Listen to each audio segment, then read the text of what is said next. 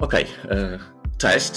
Dzień dobry wszystkim słuchaczom i witam w kolejnym e, odcinku z cyklu pod tytułem Mistrzynie i Mistrzowie HR. Z tej strony oczywiście ja, czyli Filip Sobel, e, CEO Staffli, czyli narzędzia, które w swojej misji ma dopasować kandydata do oferowanego stanowiska pracy.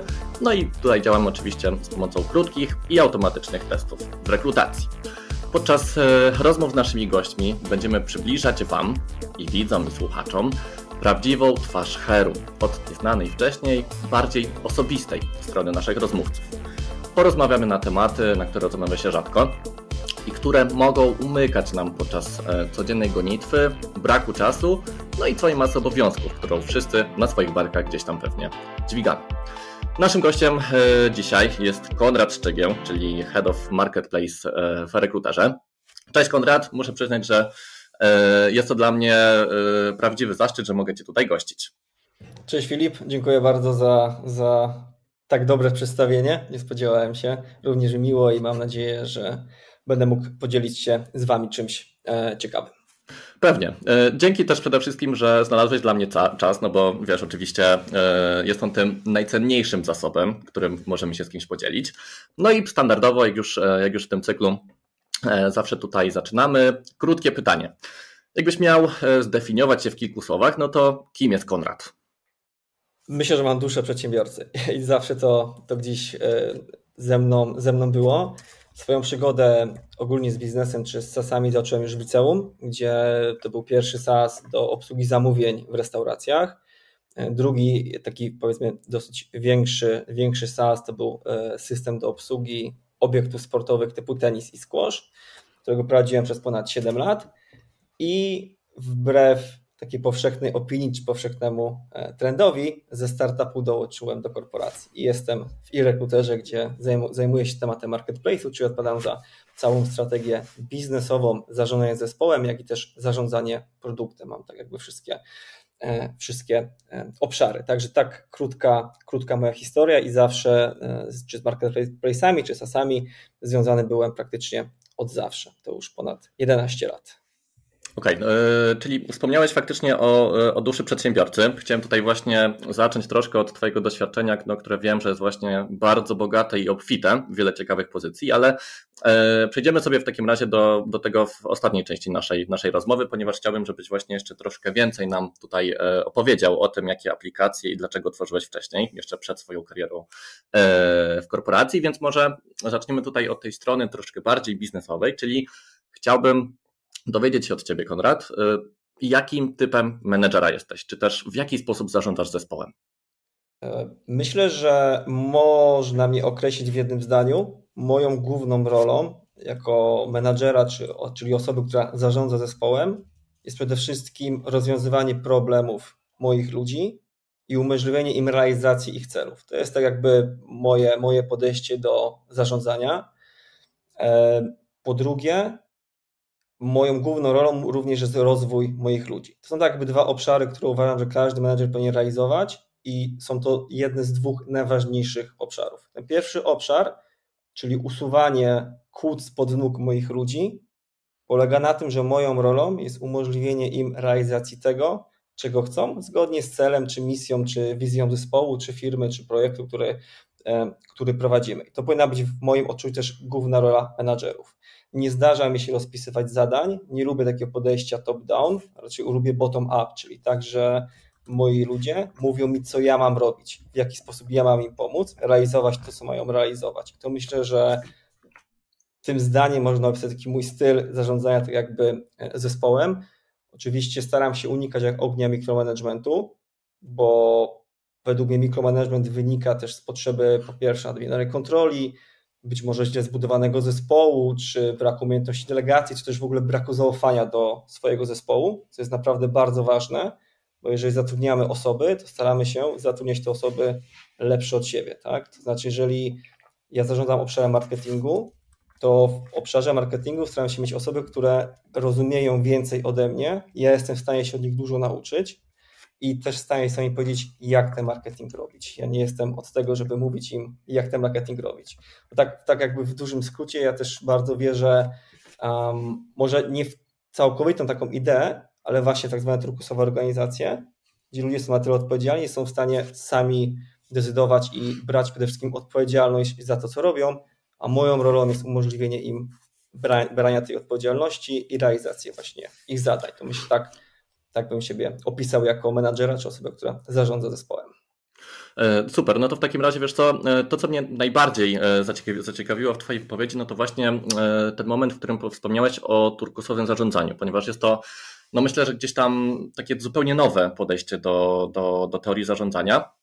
I, I, jak Twoim zdaniem tego typu metodologia może właśnie odnaleźć się w firmach, gdzie też no, pewnie doskonale wiesz, że ludzie są jednak przyzwyczajeni do troszkę innego stylu zarządzania i czy Twoim zdaniem wdrożenie turkusu w organizacji czy też w zespole jest czymś, co, co może być, e, że tak powiem, przeprowadzone szybko i sprawnie?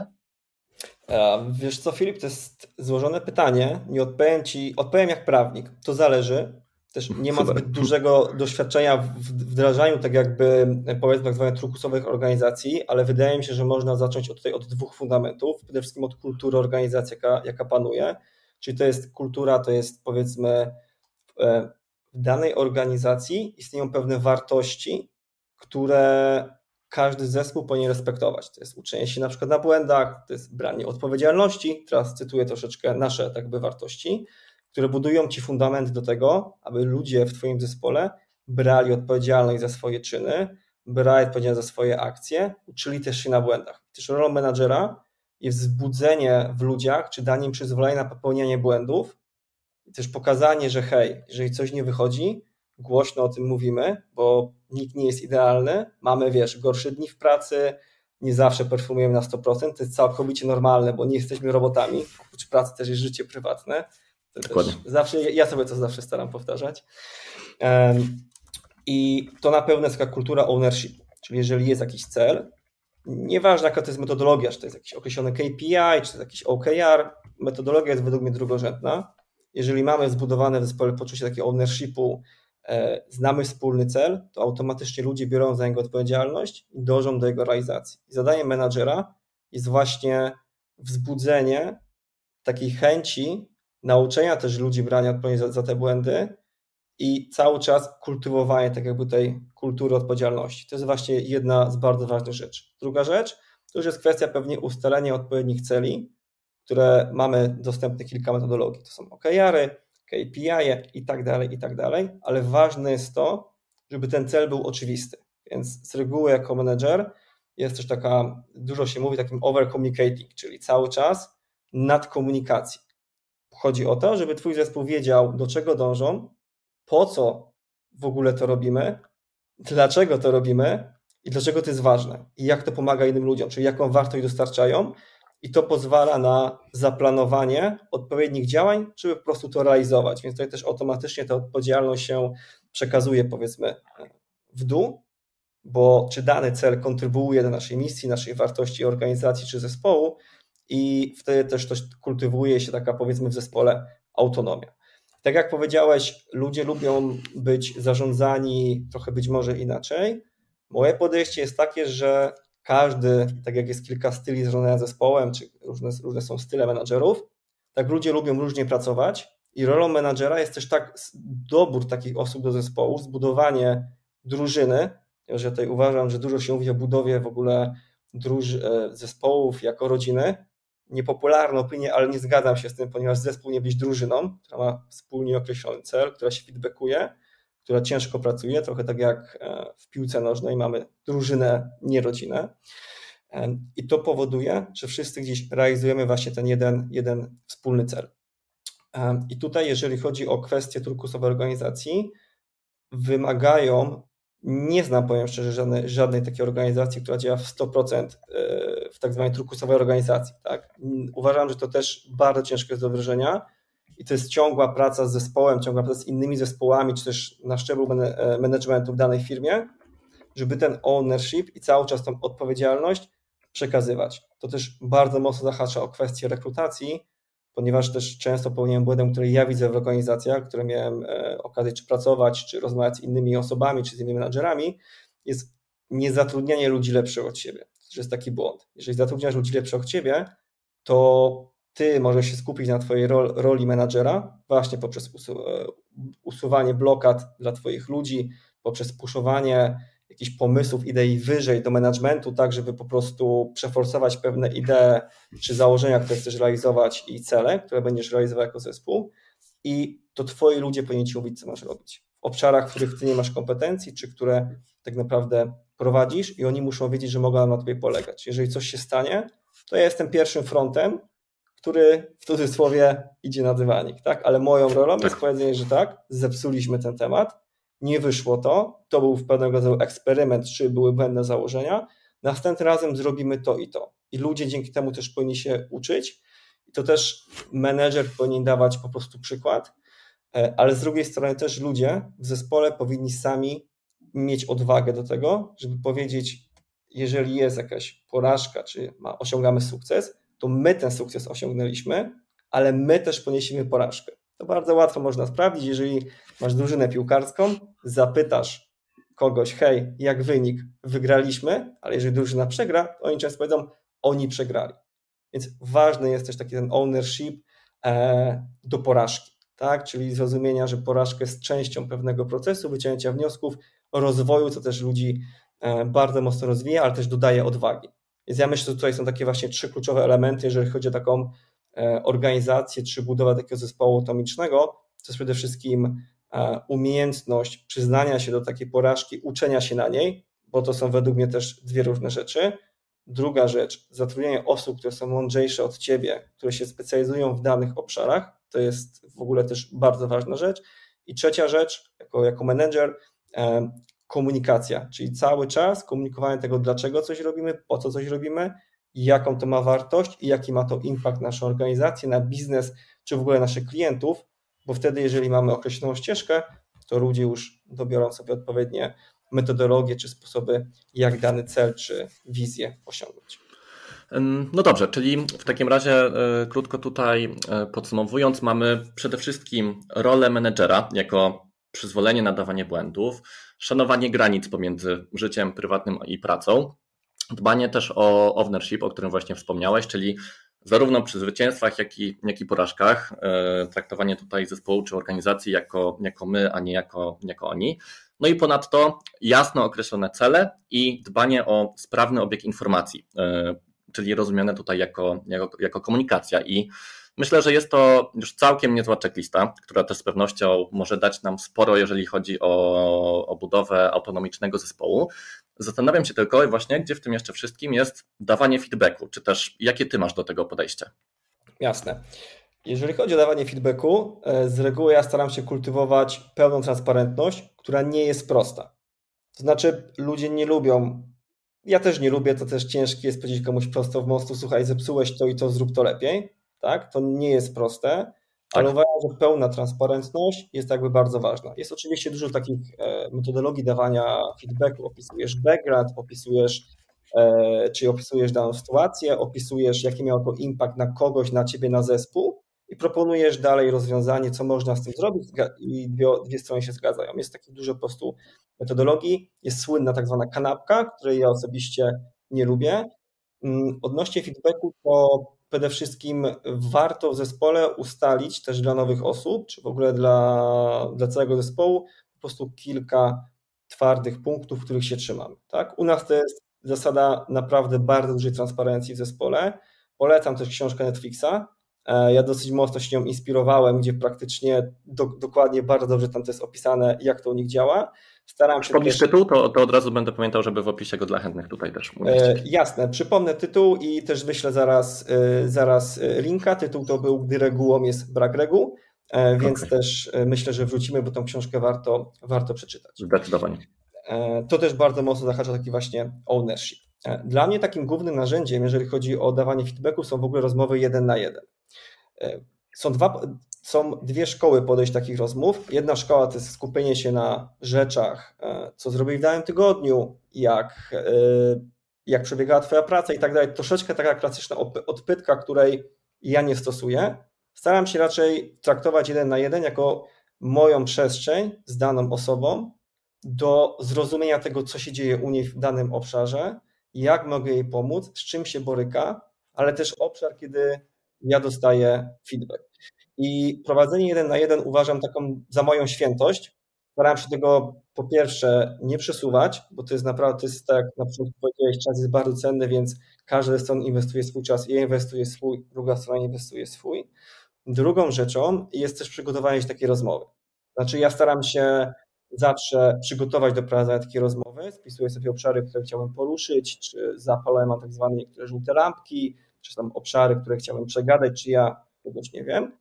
Z reguły mam taki prosty schemat, e, gdzie pytasz danej osoby, też zauważyłem wśród dużej ilości osób, które o to pytają, nie pytają tak by dokładnie, znaczy co mam na myśli, mhm. co słychać. To jest takie pytanie, gdzie możesz powiedzieć, ok, spoko, jest dobrze, przejdźmy do konkretów, ale to jest dla mnie pytanie troszeczkę informujące mnie jako menadżera, czy wszystko jest w porządku.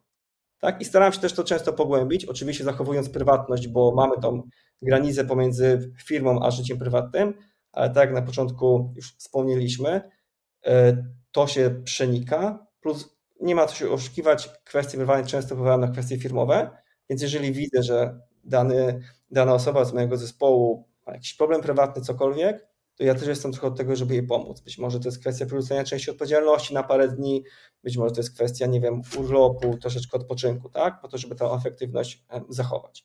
I w przypadku feedbacku ja zawsze bardzo lubię pytać, z czym masz problem, w jakim obszarze mogę Ci pomóc, czego ode mnie oczekujesz, czy wszystko dla Ciebie jest jasne.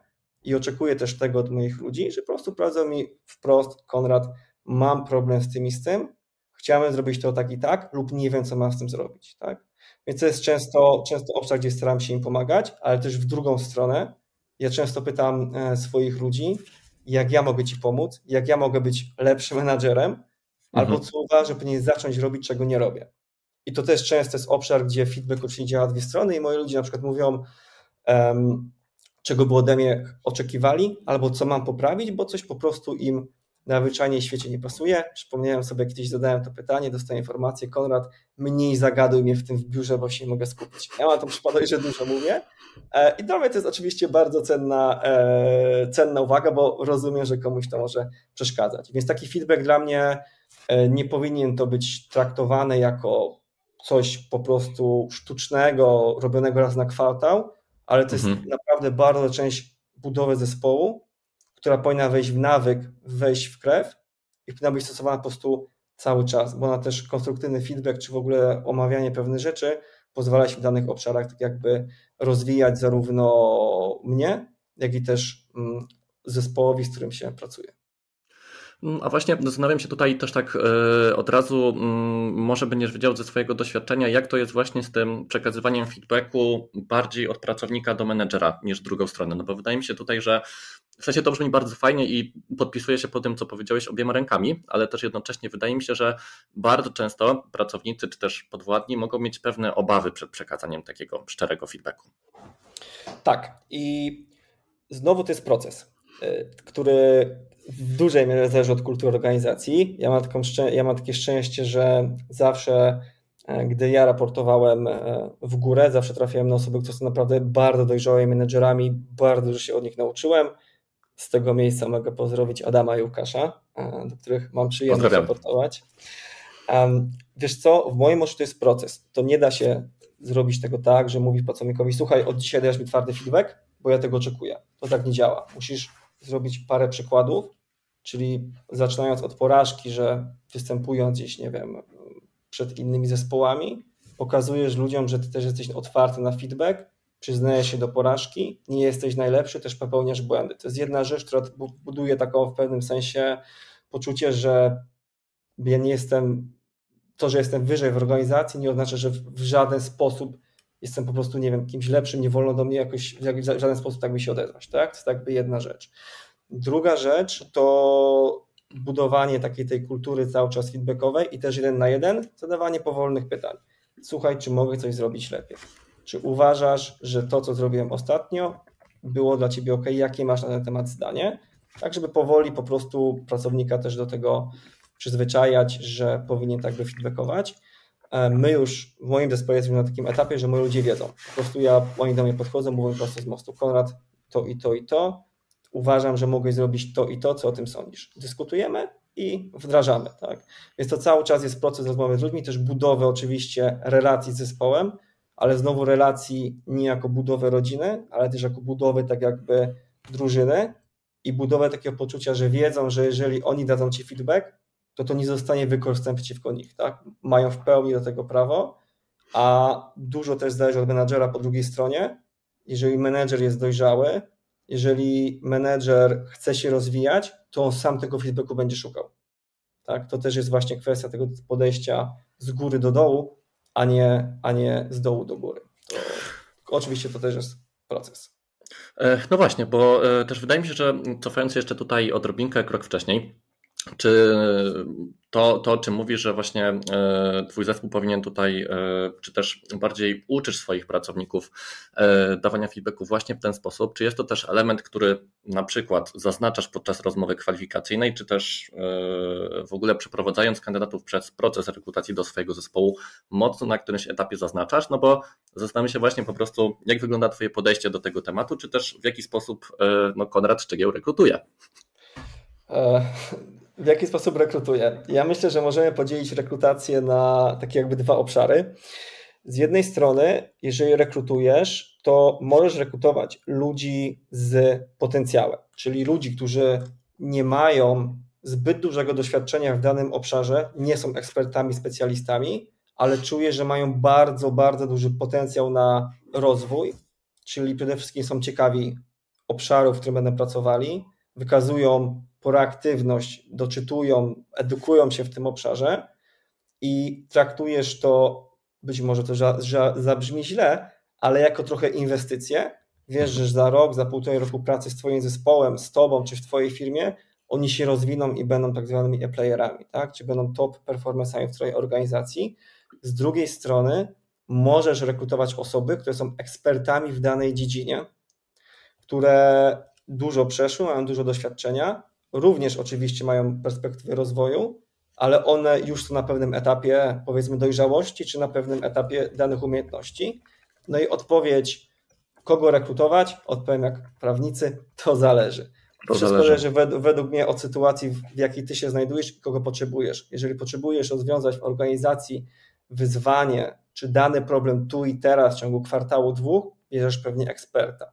Jeżeli szukasz produkt menadżera, to tak my ostatnio szukaliśmy, to ja poszukuję w product managerach e, na ten oczywiście moment osób z perspektywami rozwoju, niekoniecznie ekspertów, ale takich, które czuję, że mogą się tak by rozwinąć. Więc to, to oczywiście tak by zależy od obszaru i z reguły ja podczas rekrutacji staram się zadawać pytanie na temat przyszłości. Mm, dlaczego to robię? Ponieważ pytając o przyszłość, z reguły można wymyślić bardzo dużo, każdy w przyszłości podjąłby idealne działania, będąc w danej sytuacji, nie popełniłby tak. żadnych błędów i rozwiązałby wszystko idealnie. Tak.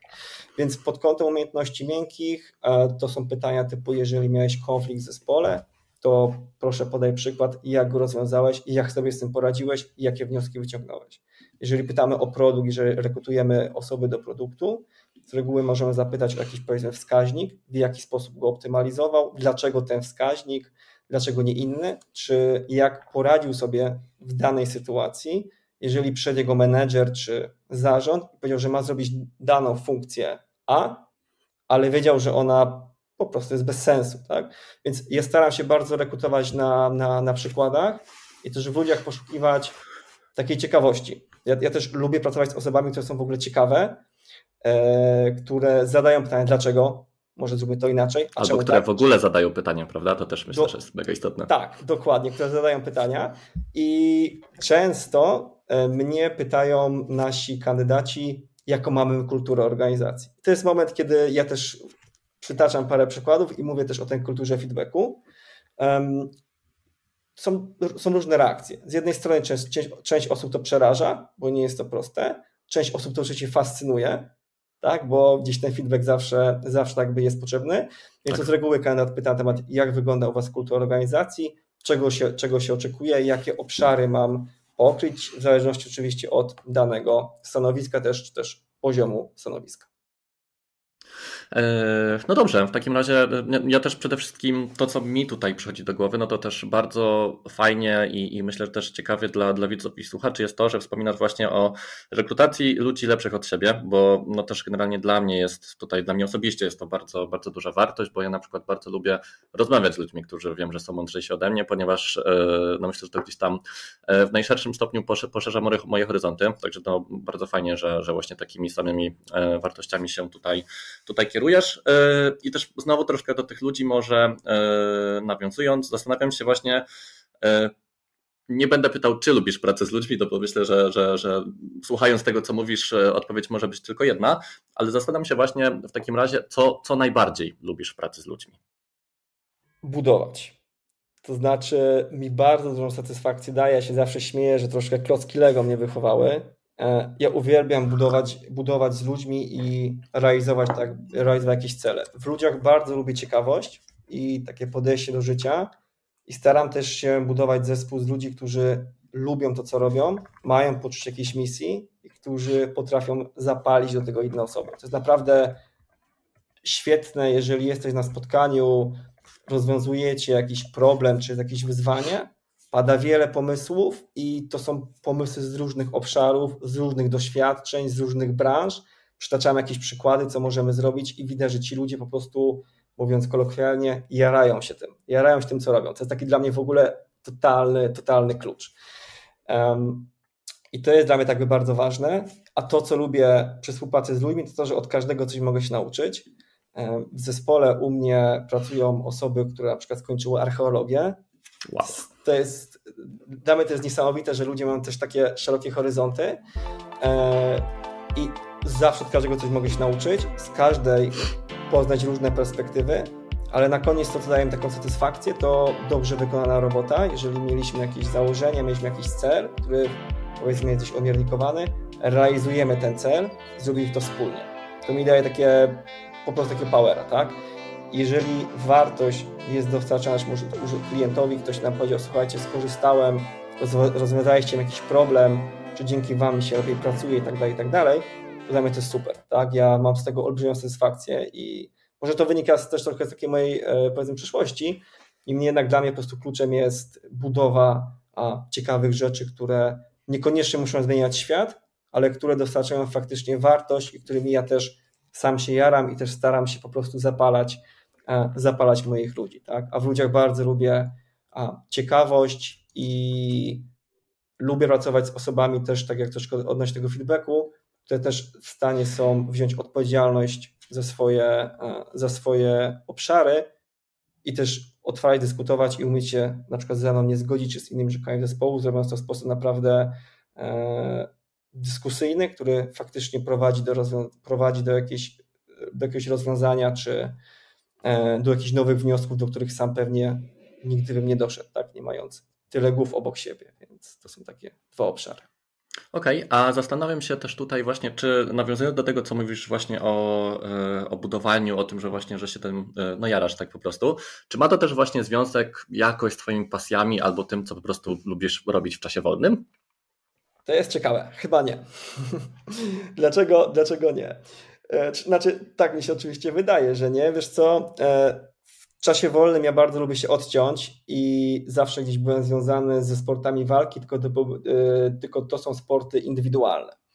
To znaczy, nie lubiłem sportów zespołowych. Pamiętam, czytałem kiedyś artykuł, gdzieś właśnie mi mignął artykuł, że ludzie, którzy trenują sporty, które są bardziej indywidualne, z reguły są słabymi teamplayerami, którzy nie potrafią delegować albo robią to w zły sposób czy też zbyt dużo biorą na siebie. W indywidualnych sportach nie jesteś w stanie rzucić winy na kogoś, porażki na kogoś, tylko praktycznie to jest walka z samym sobą.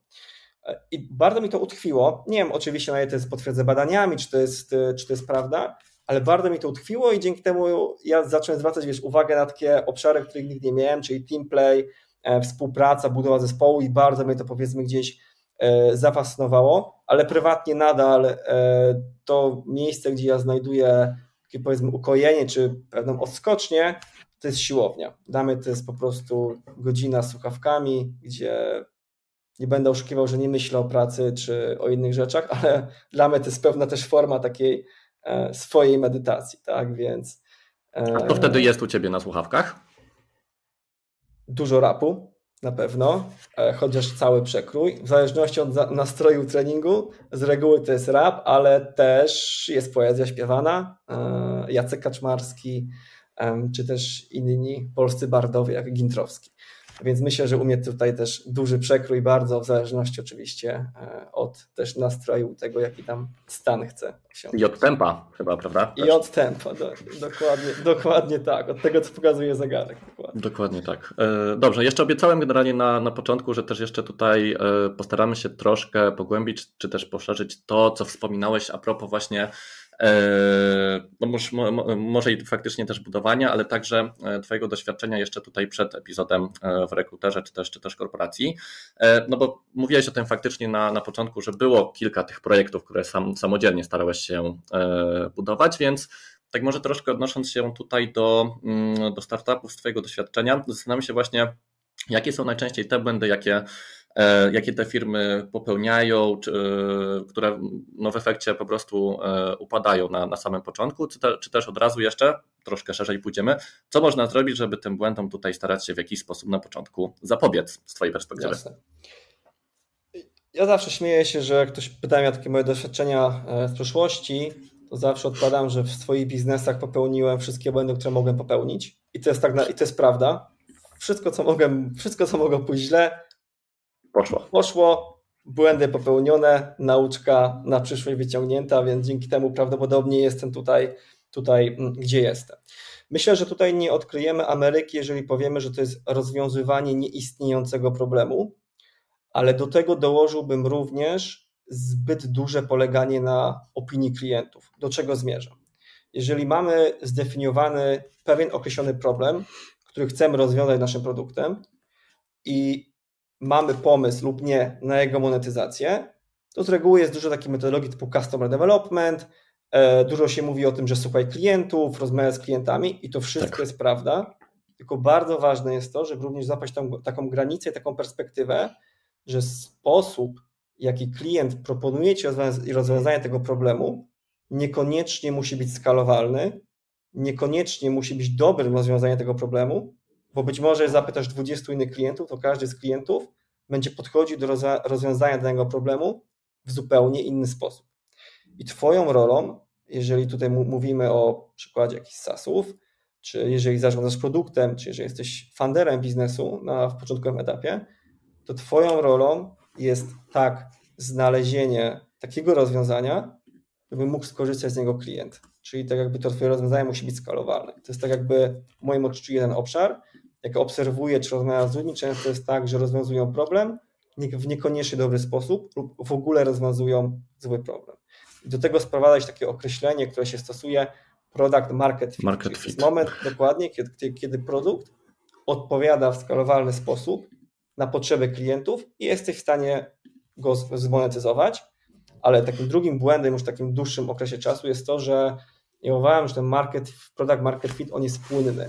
Rynek się zmienia, zmienia się otoczenie konkurencji, zmieniają się nawyki, świat idzie do przodu, więc to, co 5 lat czy 6 lat temu było product market fitem, niekoniecznie będzie teraz. Value, które dostarczałeś się 6 lat temu, niekoniecznie będzie tym value, za które będą płacić w stanie klienci, obecni klienci, więc też nie warto osiadać na laurach i zamknąć taki rozdział rozwoju biznesu, hej, tak. mamy market fit, super, skalujemy, to jest ok, ale cały czas trzeba mieć pamięć, żeby tą wartość cały czas walidować, rozmawiać i sprawdzać. Więc ja bym pewnie e, skrócił, czy spłucił moją wypowiedź do dwóch rzeczy.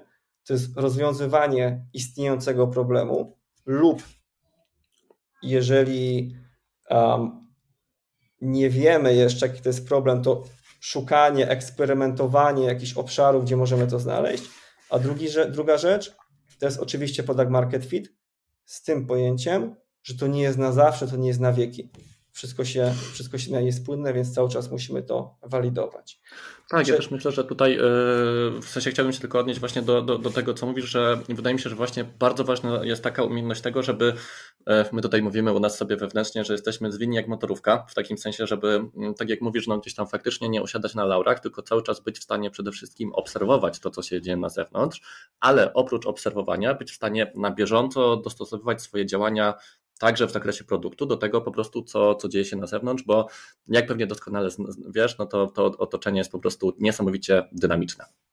Dokładnie tak, więc to też jest bardzo ważna umiejętność i na początku drogi ja ten błąd popełniłem, to była słynna pułapka jednego klienta, czyli zbudowaliśmy e, SASa i skustomizowaliśmy trochę pod, pod, pod tego klienta, tam tracąc czas, powiedzmy na to, czy w ogóle cenne zasoby. E, I potem się okazało, że większość klientów tego rozwiązania nie potrzebuje, bo rozwiązali ten problem zupełnie inaczej, inaczej. tysiąc razy prościej niż, niż my to zrobiliśmy. Tak? E, więc, więc tutaj też trzeba zachować balans, który oczywiście jest bardzo trudny, bo łatwo powiedzieć, ale naprawdę ciężko, ciężko zachować taką, taką granicę. I do tego służy budowanie MVP, czyli minimalnych produktów, które opiekują jakąś jedną wartość. Ważne jest to, że nie robić tego byle jak, robi to się dobrze. Powiedzmy, żeby klient był w stanie to zapłacić, potem rozwiązać e, problem. Nie brać kilkunastu problemów na warsztat. Jeden, zobaczyć, czy jest skalowalny, zrobić dalej. Teraz już wiem, że MVP nie jest zbyt popularne, bardziej się mówi MLP, czyli Master Lovable Products, e, po to, że często MVP było traktowane jako po prostu byle co, tak naprawdę. Tak? I to też oczywiście jest pewna droga do Wajdasta, jakby hipotezy i nie zakładałbym nigdy niczego, teraz już wiem zapewne. To, że mi się coś wydaje, czy to, że wydaje się paru klientom, nie oznacza, że faktycznie tak jest na tak rynku, jest.